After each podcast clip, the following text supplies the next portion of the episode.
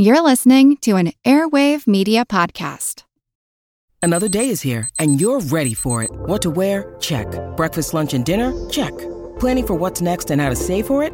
That's where Bank of America can help. For your financial to dos, Bank of America has experts ready to help get you closer to your goals. Get started at one of our local financial centers or 24-7 in our mobile banking app. Find a location near you at bankofamerica.com slash talk to us. What would you like the power to do? Mobile banking requires downloading the app and is only available for select devices. Message and data rates may apply. Bank of America and a member FDIC. This episode is brought to you by Snapple. Want to know another Snapple fact? The first hot air balloon passengers were a sheep, a duck, and a rooster. Ridiculous. Check out snapple.com to find ridiculously flavored Snapple near you. This is Kick Ass News. I'm Ben Mathis.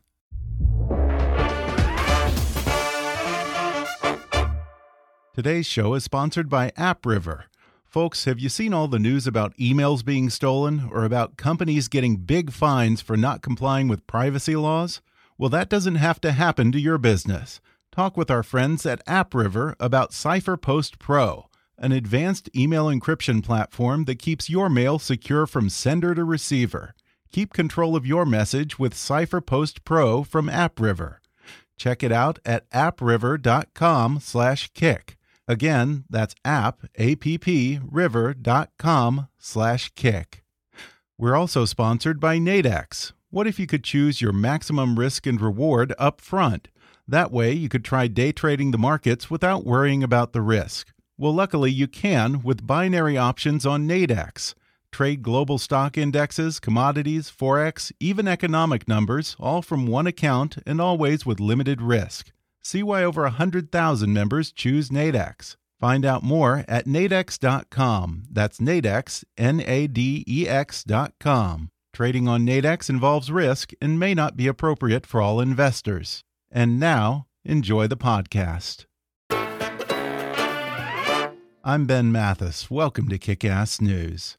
Call him crude, call him obnoxious, call him annoying, but you can't say he isn't funny, and you certainly can't call him dull.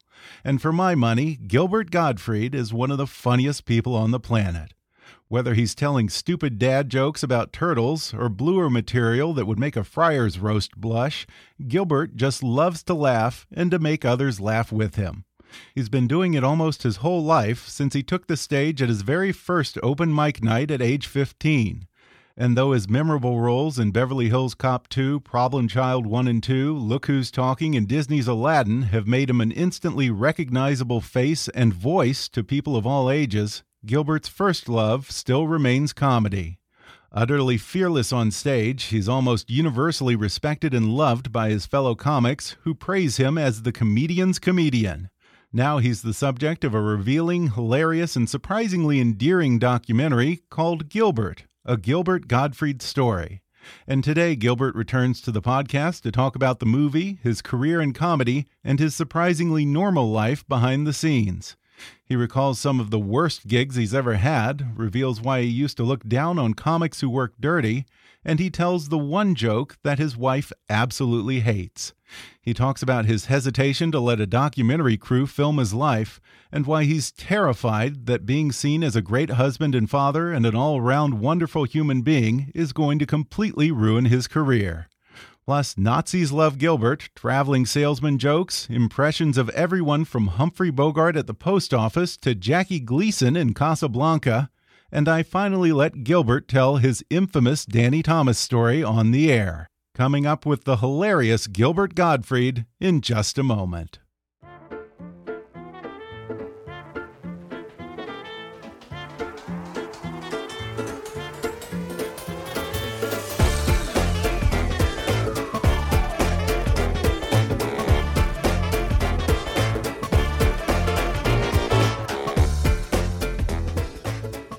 Today I'm joined again by one of the funniest men alive, Gilbert Gottfried. He's the subject of a new documentary called Gilbert, a Gilbert Gottfried story, which opens November 3rd in New York and November 10th in LA. Gilbert, welcome back to the podcast. Oh, thank you. In the great tradition of documentarians like Werner Herzog, the Maysles brothers, and Michael Moore, and Gilbert, we get to see you wash your socks and underwear in a sink. Yes, I, I, I was really wanted to hold out for Ken Burns to do like a few nights of my life, mm -hmm. and it would all be in black and white. Any awards buzz yet? oh, oh yes. you know, it's an interesting documentary because we kind of get to go behind the scenes behind the persona of Gilbert Gottfried. Yeah, uh, it's horrible for me to watch. I I like I look at the film and I cringe because I'm okay as Joe the plumber on a sitcom or something, but me as me, I go, oh God, what is that? you afraid this is going to cost you money? Uh, always. hey, I'm. That's what I'm thinking of. Twenty four hours a day. I mean, in all seriousness, were you nervous about letting people in behind the curtain and see your life with well, your kids and that, your wife? There's there's one screaming? part, and I I've said this a lot. I always think of that scene in Wizard of Oz. Uh, you know, ignore that man behind the curtain and and so yeah, I I I hated the idea of and and I'm one of those people who uh you know, if someone asks me what's my favorite ice cream, I'm like, I don't want to talk about it because that's a secret that I'm keeping. Well, you know, I was just talking with your lovely wife. The audience kind of gets to know her a little bit in this movie. My girlfriend, who enjoyed the film way more than she expected to, said uh, being Gilbert's wife kind of seems like being the mother of an autistic son. a little bit on on on point? Oh, oh yeah. Yeah, it it's it's a it's a little extra work. How did you guys meet? Oh, how, how did this relationship start? Uh, uh, she used to be in the music business, mm-hmm. uh, like getting records played on the air or, or tapes or Payola? eight tracks. and I I was invited to some Grammy party by some guy I knew from the record business, and um, and I still call it the record business. That's That's you know. okay. Records are coming back now. LP oh, sales. Oh, that that's yeah. right. Yeah. So so I'm really much hipper. Yeah. I come across. Yeah, and you're the guy who's still selling DVDs after oh your my God! too. Yes, yes. that comes out in the show. Well, I think she said something like uh, on your first date, you, you, walked her home and you spent an hour telling her turtle jokes, and that's how you won her heart. Uh, yes. yeah. I, I wish I would have known that turtle jokes are that powerful yeah. all these other years. How much turtle material do you have? Oh, I specialize in it. well, uh, a, a snail is attacked by a turtle and the police show up, and the policeman says, What happened? And the snail goes, I don't know. It all happened so fast. and that's what did it. Yeah, yeah. okay. Did, did you date much before that? Because all your friends say that this came as a shock to them. Just one day yes. you said, I'm getting married and having that, a baby. That's how shockingly secret my life is. uh, where I won't even say, you know, who's a friend of mine? Uh, oh, that guy's a friend of mine, or, or uh, dating someone, or anything. It's and it's like the documentary starts off with the time I I went on the Howard Stern show, which I've been on a billion times. Yeah. And then he goes, and he's in shock and and he's like, "Wait a minute, you got married." and you're having a kid. This was all like I kept it a secret up until then. I remember, I oh, I remember leaving the show that day after that was revealed to the world, and I remember just shaking because it's uh yeah anything about my private life. Yeah, did it become real? I guess at that moment for you a little bit. Uh, yeah, yeah.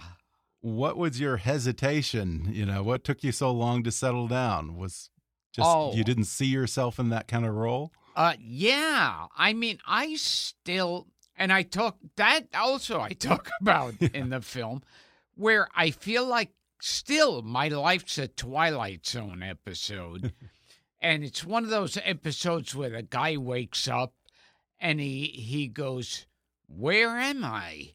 And someone says, "Why, you're in the White House, Mister President."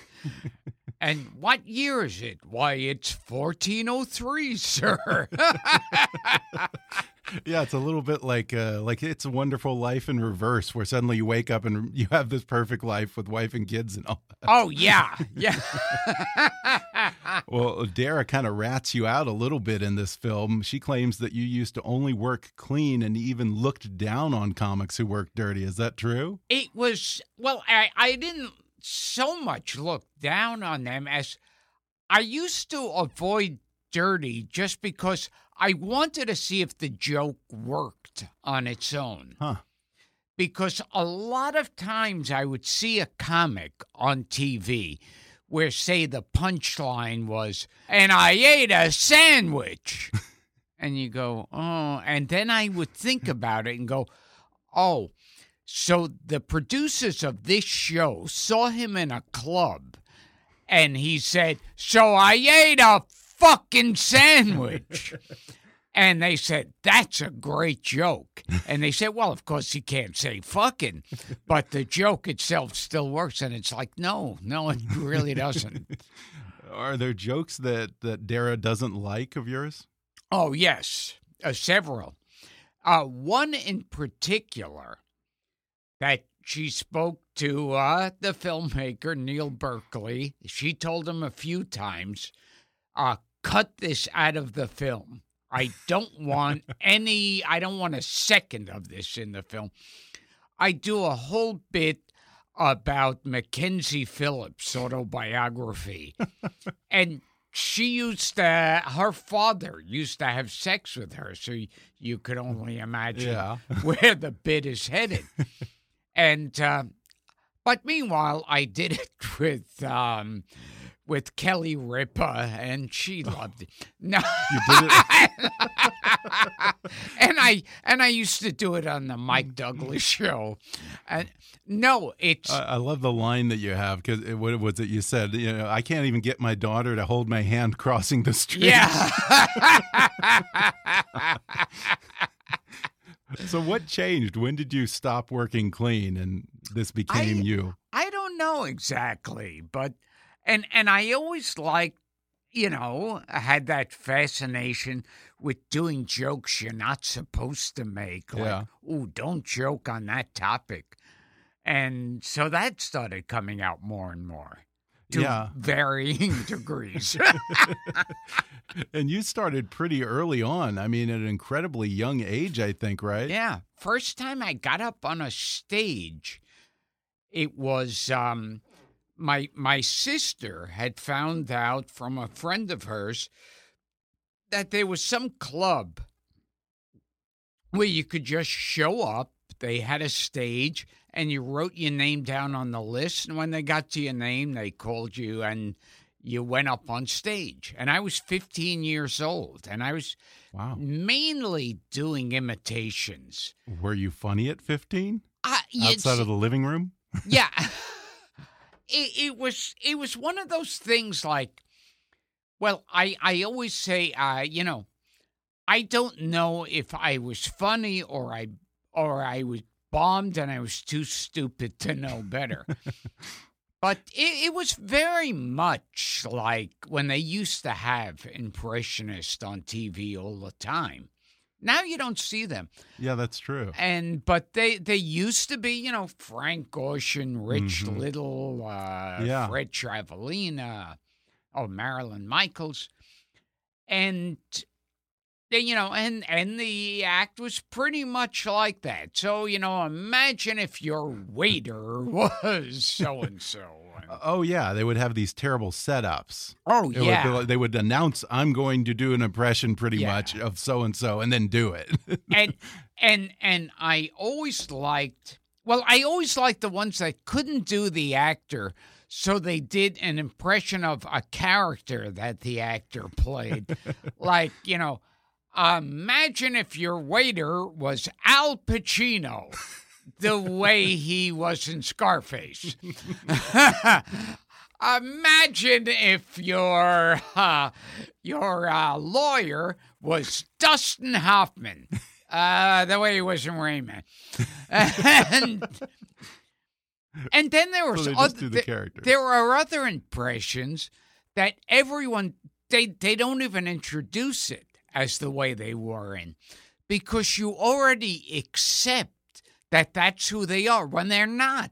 To this Yeah. day, Yeah. if someone does a John Travolta, it's basically Mm-hmm. Mr. Kotter, Yeah. and he Yeah. doesn't talk like that. Yeah, or when they do Carson, they're doing who's Carson? Are they doing? Oh, Is Rich that, Little's Rich Little? Yeah, or the Nixon is is Oh, who's Rich? David Nixon? Frye. David Frye. That's yeah. right. Oh, and and when they do Keanu Reeves, it's like always from Bill and Ted's Mm-hmm. Adventure. You know. Now you did really obscure impressions when you started out. You would do like these character actors from the 1940s. Yeah, like I, I always liked uh, doing imitations of, uh, well, like, like John McGiver. And I'm trying to picture him. Yeah, he was like sort of short, a Okay. little on the chubby side, bald, and like uh, he he would always play these buffoonish authority figures, like you know hotel managers and whatnot, and it was always like. Everything must be run according to schedule. We will have no slackers working here. I run this hotel like I run a ship. Or like Sidney Greenstreet, would that be one of the ones Oh, that you yeah. would do back then? yes, you are a character, sir. I enjoy talking to a man who enjoys to talk. I distrust closed mouth men. I, I think one of the ones that you got famous for early on, and it's one of my favorites, is when you do Jackie Gleason as Rick in Casablanca oh, oh instead yeah. of Bogey. and it totally changes the whole chemistry Yeah. of, the script. You're getting on that plane with Vic Laszlo. Oh, you're getting on that plane, all right. And I know that you know that I know that you're getting on that plane. So you completely turn that scene from Casablanca from Rick doing some noble gesture to a threat, basically. Oh, yes. And I think that you do supposedly the the world's shortest impression, right? Isn't that Bogey? oh, I do a bunch of short impressions. Well, I do uh, Humphrey Bogart in the post office. Yeah. Stamp. and I do uh, uh, Bela Lugosi uh, when he's not wearing a watch, but you ask him what time it is. what time is it? Ten.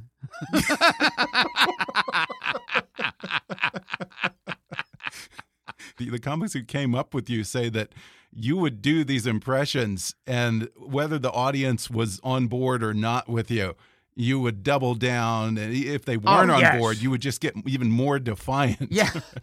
and I I used to do Jerry Seinfeld Yeah. when he was just another comic hanging around the clubs and Oh, yeah? hadn't appeared on TV.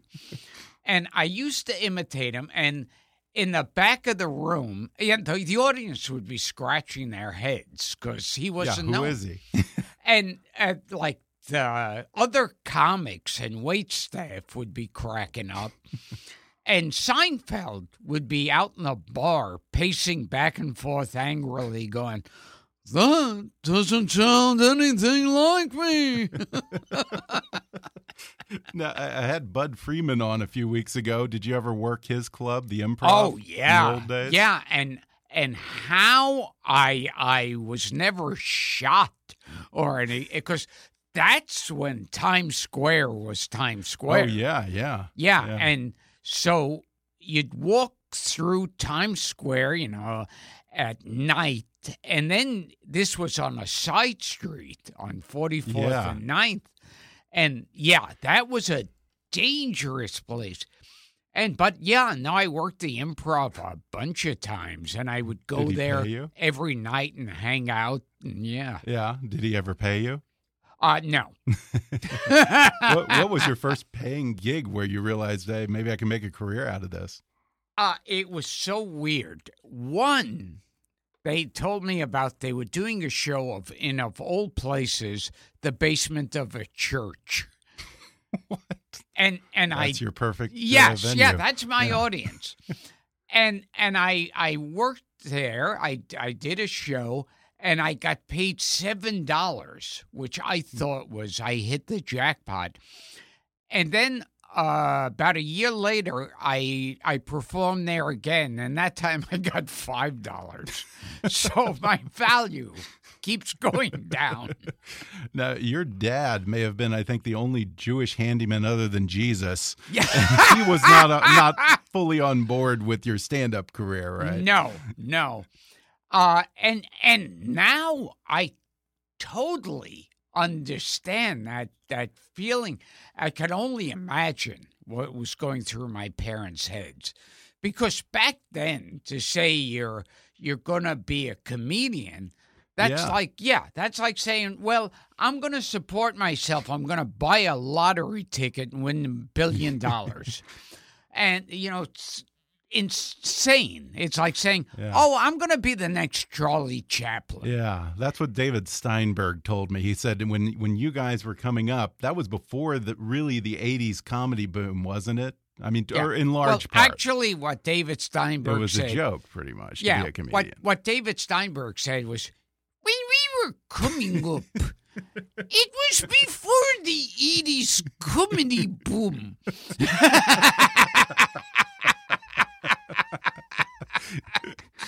Now, was he someone who you? Well, he he probably predated you, right? Uh, he probably yeah, came up yeah. before you. huh? I, I remember watching him on TV, like the Smothers Brothers, Yeah. and he used to host the Tonight Show sometimes. And uh, then years later, uh, I wind up uh, doing an, an episode of Mad About You, and he was the when he was director. directing, yeah. And there's there was one scene where I have to say something and then run off. So I do the scene, I say something and and then I run off. And he's he says to me, "Can you do that again? But run a little faster." and so I said, yeah, I could run faster. And he goes, no, no, no, I, I, I don't mean faster necessarily, but a little more graceful. And I said, graceful? And he goes, yeah, not, not so much of a bouncy, choppy kind of. and then he, he just threw his hands up in the air and he goes, can you run less Jewish? and I knew immediately. Yeah, it made sense. Yeah, you got it. Yeah. I mean, every comedian in this thing seems to say that they love you both as a comic and a person, and they all call you a comics comic. That shocked me because I'm used to hearing about comics, you know, being backbiting, trashing each other, and jealous.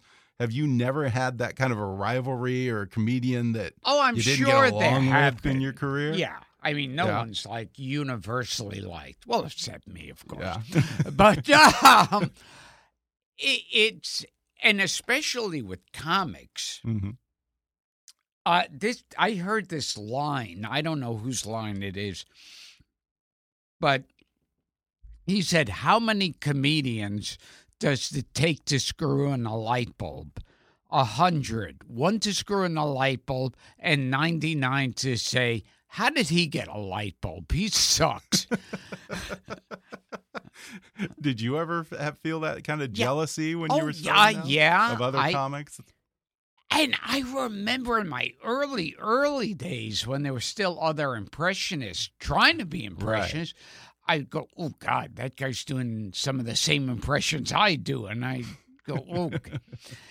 and, and there was also that thing, even, you know, when you watch, a, when I watch a comic, I've been doing it so long, where it's like I don't laugh so much as go, ah, yeah, that's clever.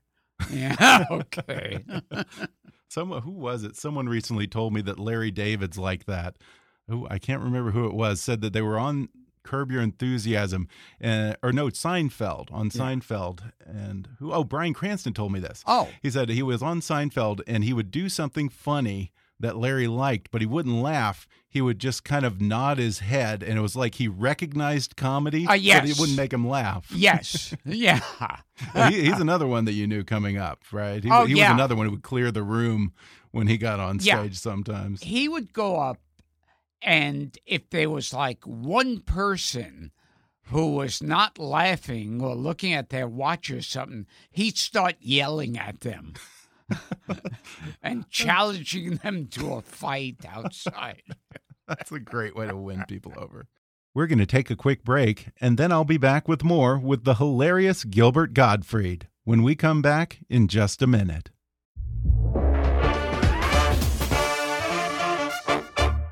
Today's episode is sponsored by Sonos.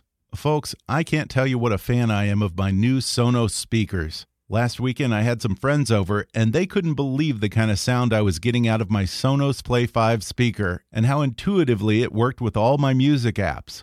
They all wanted to play with it and see how it works, sync up their own music with my Sonos speaker, and after that night, a couple of them ordered Sonos speakers for themselves the very next day. Heck, I like it so much I even got a second Sonos speaker for my office because Sonos is the Einstein of smart speakers. Sonos lets you have pulse pounding sound in any room or every room all at once. That's right. Play a different song in the living room, bedroom, even bathroom, or play the same track in every room. Add your existing music services or discover something new. Whether curated or on demand, free or subscription based, Sonos has you covered with access to a growing list of music services. Plus, Sonos' simple app lets you control everything from songs to volume to rooms all in one place. And now Sonos is offering Kickass News listeners 10% off one order of $2,500 or less for any product on Sonos.com. That's a savings of up to $250. This offer is available for a limited time only and cannot be combined with other discounts or promotions. Just visit Sonos.com and use the promo code NEWS10. Again, if you want to receive this special offer, go to Sonos.com and use that special promo code NEWS10, N E W S, in all caps, 1 0. I love my new Sonos speakers, and I know you're going to love them too. And now, back to the podcast. Do you still like performing and going on the road and that whole thing? Oh God, it's when whenever my agent calls and says, "Oh, there's a new club that wants you out in so and so," I I always cringe. I I I get sick. I am angry. I'm depressed, and I always try to remind myself, well, like, oh, so you're getting this upset because you're in demand in show business. Yeah. People want to pay you to fly to their state so they can see you. Yeah, I think you said that you have a fantasy that that they call that Yes. call and cancel on you, huh? Yeah, I, I, I. When whenever I'm about to go on stage, I always have this fantasy that the manager will come back and go, "We just had a fire or a flood, and uh, but here's your check." So now you can go home. I think I'd like to make my whole career. Yeah, I mean it has to be a little bit different now that you have kids and a wife and all that to go Oh, and hit yeah. the road that much. But uh, do you still enjoy being on stage? Because you you joke around about hating it, and you know if you could, you would never go on stage and you'd just do voiceover. But is there still a part of you that has that need to be in front of an audience? I, I guess so. And I guess it's also like the old saying, uh, dance with the one who brought you. yeah, and it's like, so stand up's the one that brought me. and then tweet about them. Oh, yes. I mean, the last time we talked a little bit about that, uh, the whole Aflac fiasco when you got fired for the tweets after the Japanese tsunami. But after watching this movie, it sounds like you know you were you were this was a serious setback to your career. Were there some lean years or months after all that? It was it was really weird because like in front of my house there would be these photographers and reporters just camping out there. Really? And and I was got, constantly getting hatred on the internet and they were talking about me on the internet on news shows and what I started to realize is, you know, at first I would get depressed when they go, our top story, Gilbert Gottfried's career is officially over. And then I, what I realized is if your career is over, they don't mention you anymore. And you sure Yeah, as hell are not their Yeah. top story. yeah, that's true. And so it, it really proves the old adage as long as they're talking about you. Yeah, and you were kind of groundbreaking with these tweets. I mean, you might be able to run for president now. Oh, oh yes. this is some new territory that you charted. Now, have you learned your lesson, or does your wife Dara have to take away your phone every time there's a hurricane this summer? yeah, uh, yeah. I, I still, I like I always said, I think twice now, but I do it anyway. You have this weird dichotomy because you're this stand-up who does dirty dick jokes, and you know the aristocrats, As opposed to the clean dick jokes. Yeah. I do some wholesome dick jokes too. okay, good point. But you also voiced, you know, the parrot from Aladdin and tons of children's cartoons.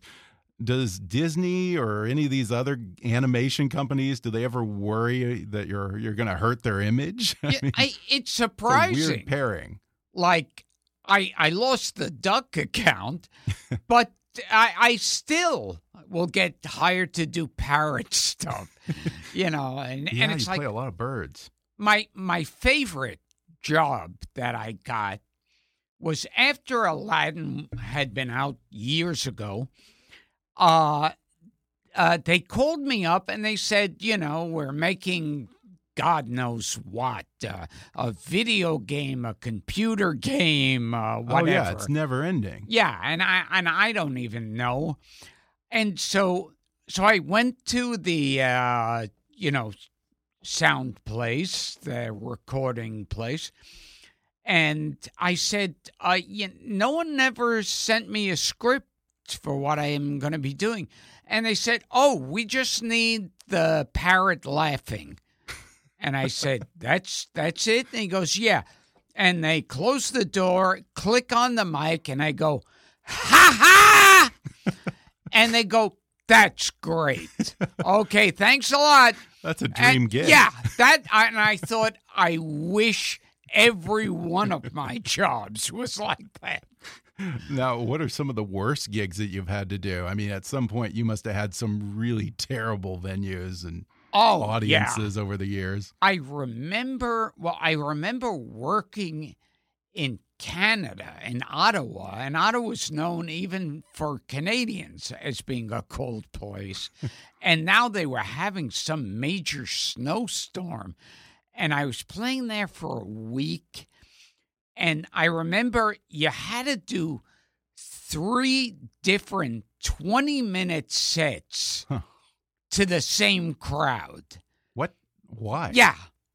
And you'd eh, there would be pauses in between the sets so to give the audience a chance Time to forget. yeah to die down Was this an Alzheimer's home or something? yeah yeah it's like and i remember uh you know shitty sound system and the woman who managed the place tried to go to the mic and introduce me and she was too nervous to be in front of an audience and went backstage and yelled out here he is gilbert gottfried and you know and i would bomb the first show and bomb the second show and bomb the third and by the end of the week i i didn't give a fuck i knew the audience hated me So I started doing anything that popped into my head. And the first set I did an hour and a half because I was just filled with. And then the second set I did an hour. And just because I was going crazy up there, anything that popped. And and the third set I did 15 minutes. And when I got off stage, the manager says, You did a little short that time. God.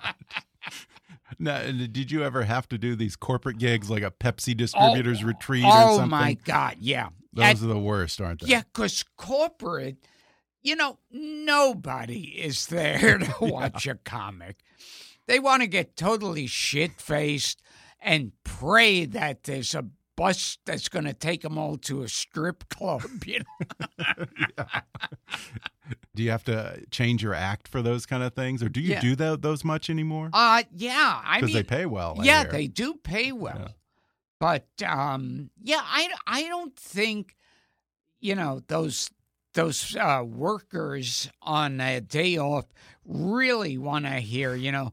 Hey, you ever get on a bus and, uh, and the bus driver is, you know, Well, yeah. Speaking of that, there's a scene in this movie where you end up performing at a fundraiser for St. Jude's Children's yes, Hospital. yes, Yes. Now, you go on after these parents who are talking about their kids who died of leukemia and everyone's sobbing. How the hell do you follow something like it, that? it was that was I I did two benefits for St. Jude's. and I should point out that you did it out of the kindness of your heart. Yeah. You you did it complimentary. You're you're a good soul. Yeah, and I I went there and I remember talking to one of the managers of the place and they would have like these photos of children with bald heads and and then before I went on there was like a father talking about when his daughter was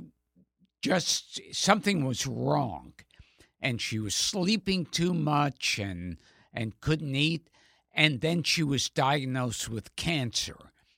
And uh, he he talks tearfully about having to drive his child to a hospital for cancer treatment. Wow. and and this guy and then it was ladies and gentlemen a real funny man gilbert gottfried and i thought okay this this is what's going to end my career. This is where it will officially end.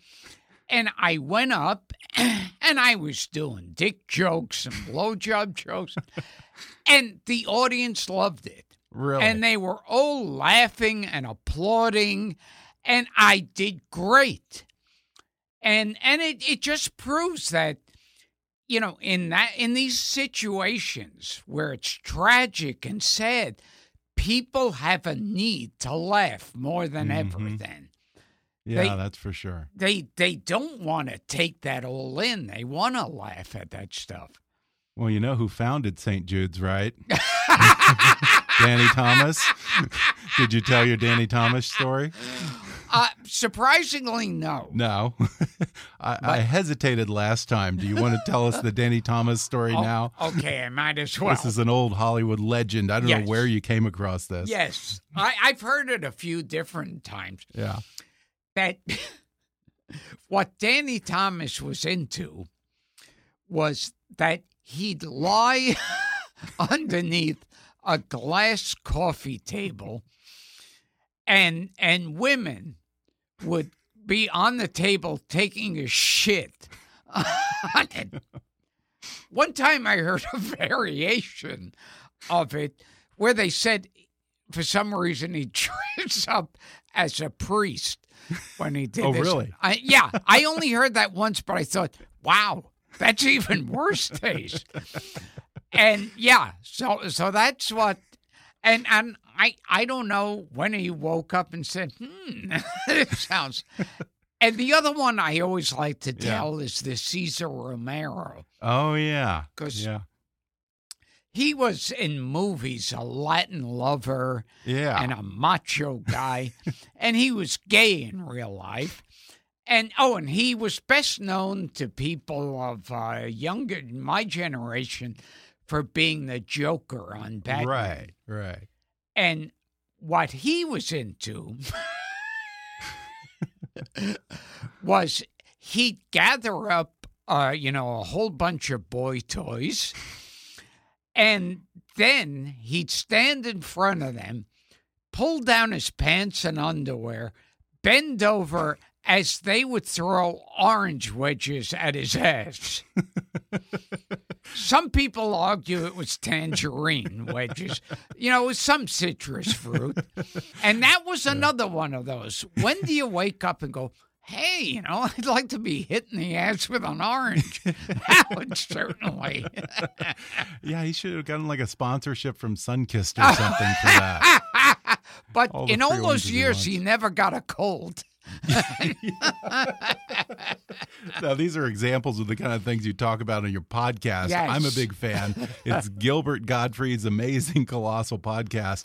And you have sort of archived the great stories of old Hollywood from industry vets, whether they're writers, actors, producers, who are well, getting a little long in the tooth. Oh, yeah. And you have this, you said you have this problem where you book a guest and then they die before Oh, they my- make it. How Uh, many have you lost uh, uh, this year before you could get them on? I I had Jack Carter Mhm. booked.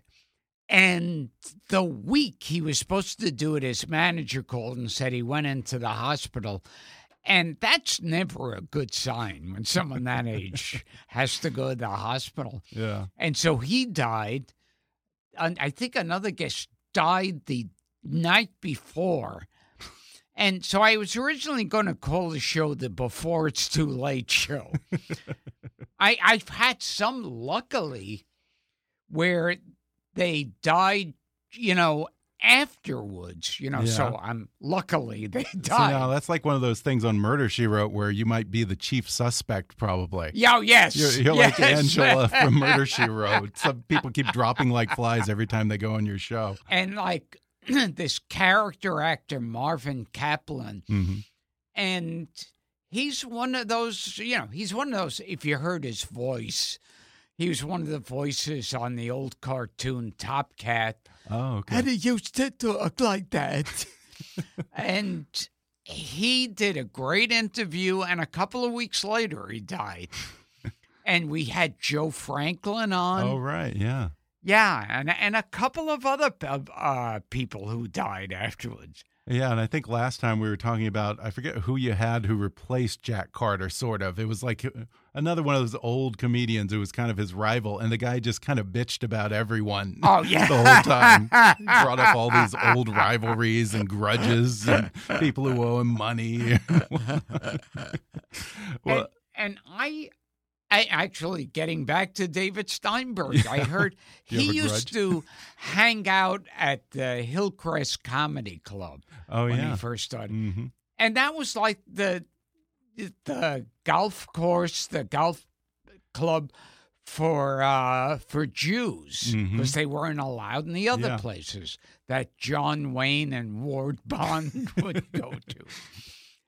And and and he would sit there at these tables and it, there would be Groucho Marx and Jack Benny and George Mm-hmm. Burns Burns. Yeah. Milton Berle, and they would be talking about bitching about people from years ago, Really? from like the 1920s, who gave them a bad review in their vaudeville show, and like this is like a critic who's been dead for for 70 years. They're still bitching, and they're bitching about you know the manager of this one vaudeville house. so it never stops. I mean, as much as you hate doing stand up, you must at least be thankful that you didn't have to work in those days, in the vaudeville Oh, days, because those God. were brutal. Those You know, guys when- when- really were miserable. Yeah, whenever people say to me, you know, tell me your nightmare gigs, I always think the worst nightmare gigs you could have now is like uh like a weekend in Hawaii in comparison to the vaudevillians. Like they'd be they'd have to travel like days yeah. by train or and and they'd be sleeping in train stations, unheated Wow. train stations, and their dressing rooms would be rat infested. and, uh, Wasn't there one Yeah. that, that got flooded? It, it was like oh yes, over a pier or something, and the Yeah. tide would come in, and their Yeah. dressing room would they be standing in puddles of water? Yeah, yeah, they'd be knee deep in ocean water. God. Well, I have to ask about a certain scene in this documentary. Uh, you're somewhere for a gig and you're staying in a hotel, and there happens to be I don't know what this was a Uh, reenactors yes, convention it was or in. Chicago. There was a, a war uh, reenact. Oh, yeah, it was like one of these war reenactment things. It was like where people from every war. No, in yeah, they weren't In in, those costume. wars, but they were people from the Civil War Yeah. and World War One and Vietnam and and some of the old religious wars. This guy with a big crucifix came over and he goes, "You're Gilbert Gottfried. Oh, I gotta have a selfie with you." And well, my favorite, of course, was my favorite war, World War II. And so there were Nazis all over the place and with swastikas and everything. And they were running over to me and they'd want selfies. And I remember they were all very cheerful. They all They weren't me running to problem capture you child. and, Okay. and and and I thought, gee, you know, the Third Reich gets a bad rap. These are really, really friendly, nice people. Yeah. In fact, didn't he want to tell you a joke? Oh yes, He's dressed I up like the SS. a Nazi officer tell me a Michael Jackson joke, which is an, also another level of bad taste. and uh, two of the Nazis in full regalia showed up at my comedy show. oh, really? And they're sitting at a table with their drinks and their swastikas and everything. And they loved the show, of course. you, you might single-handedly uh, take on the, the Aryan race Oh, and yes. the white nationalists in Charlottesville. One one time, I remember I was very proud of this. It was some kind of, you know, white supremacy Nazi group that decided they're gonna, you know, to show people how much dangerous influence and power the Jews have in our society. And they printed a list of like the most powerful listened to Jews that you know must be watched out for. And and my name was on the list. and I thought this is great. I was there with Steven Spielberg and, and all these other major You should have shown your agent that. Yes. You're part of the Zionist conspiracy. yes. I, I think somewhere along the way you said something like you're not actually that religious, but you you kind of have a shit deal because even though you're not a very observant Jew, you realize that you would be the first person they would load up onto yes. a cattle car. Yes. It, it's like you one fit of the those profile. it, it's kind of like one of those things like like these Jews who uh, disregard Judaism. They turn their back on Judaism. And I think, well, you know, yeah, when they round us up again, you're going to be in a train car with everybody else. So cut the shit. And, well, I remember when that whole Mel Gibson was in the news Right. all the time. And they said he he was stopped for drunk driving and he was uh, they found out he was a major alcoholic and and he he said to this policewoman hey are you a jew jews are responsible for all the wars and then he called her sugar tits and and he said that to his wife that she should get raped by a gang of niggers and Whoa, I he didn't would hear that one. yeah, he would hit her over the head with a shovel and bury her in the rose garden. He's a real funny guy. Yeah. And when I heard all this, all this story of all this terrible stuff, all I could think at the end was, Hey, wait a second. What did he say about the Jews? well, before we wrap up, I love all the jokes from your Dirty Jokes album, and I have retold some of your traveling salesman jokes. Oh, yeah. I love that because that's so old school. Like, who tells doctor or traveling salesman jokes oh, anymore? yeah. What, yeah. Do you have a favorite salesman joke? It's on my DVD. You know, which and and and or if you have a Victrola, I do you Okay. Traveling salesman goes to a farmhouse. Can you put me up for the night? And the farmer goes, Well, I can let you sleep in the barn. And so the traveling salesman goes, Okay. And the next morning, the farmer comes in and he goes, So, were you comfortable in the barn? He goes, Yeah, I had a great time in the barn. I was talking to all the animals. And the farmer goes, What are you, nuts? And he goes, Yeah, I was talking to him. I spoke to your cow. Your cow said her name is Elsie. And he goes, That is her name. And he said, You milk her at like uh, five o'clock in the morning. Goes, that is, that's exactly it and uh, your horse's name is Otis. And he goes, That's right. And he goes, You have this broken down pail that you put that has grains in it that he eats every morning at 6:30. And he goes, That's exactly right. And he goes, and I spoke to the sheep, and the farmer goes, Those sheep are lying. Perfect. well, well, Gilbert opens November 3rd at the IFC Center in New York City and November 10th at the Laemmle Fine Arts Theater in LA and across the country. Gilbert Gottfried, always a pleasure. Thank you. Thanks again to Gilbert Gottfried for joining me on the podcast. This wonderful documentary, Gilbert, a Gilbert Gottfried story, opens in New York tomorrow, Friday, November 3rd at the IFC Center, November 10th at the Laemmle Fine Art Theater in Los Angeles, followed by theaters across the country. I also highly recommend subscribing to Gilbert Gottfried's amazing Colossal podcast on Apple Podcasts or wherever you get your podcasts. And you can keep up with him at gilbertgottfried.com or on Twitter at, at RealGilbert. Today's episode was sponsored by Nadex. What if you could choose your maximum risk and reward up front? That way, you could try day trading the markets without worrying about the risk. Well, luckily, you can with binary options on Nadex.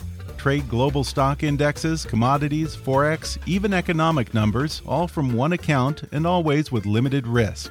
See why over 100,000 members choose Nadex. Find out more at nadex.com. That's Nadex, N A D E X.com. Trading on Nadex involves risk and may not be appropriate for all investors. Also, if you haven't already, be sure to subscribe to Kickass News on Apple Podcasts and rate and review us while you're there. And please take a moment to take our listener survey at podsurvey.com/kick so we can get to know who's listening and it's also helpful with our advertisers. Like us on Facebook and follow us on Twitter at, at KickassNewsPod. And as always, I welcome your comments, questions, and suggestions at comments at kickassnews.com. For now, though, I'm Ben Mathis, and thanks for listening to Kickass News.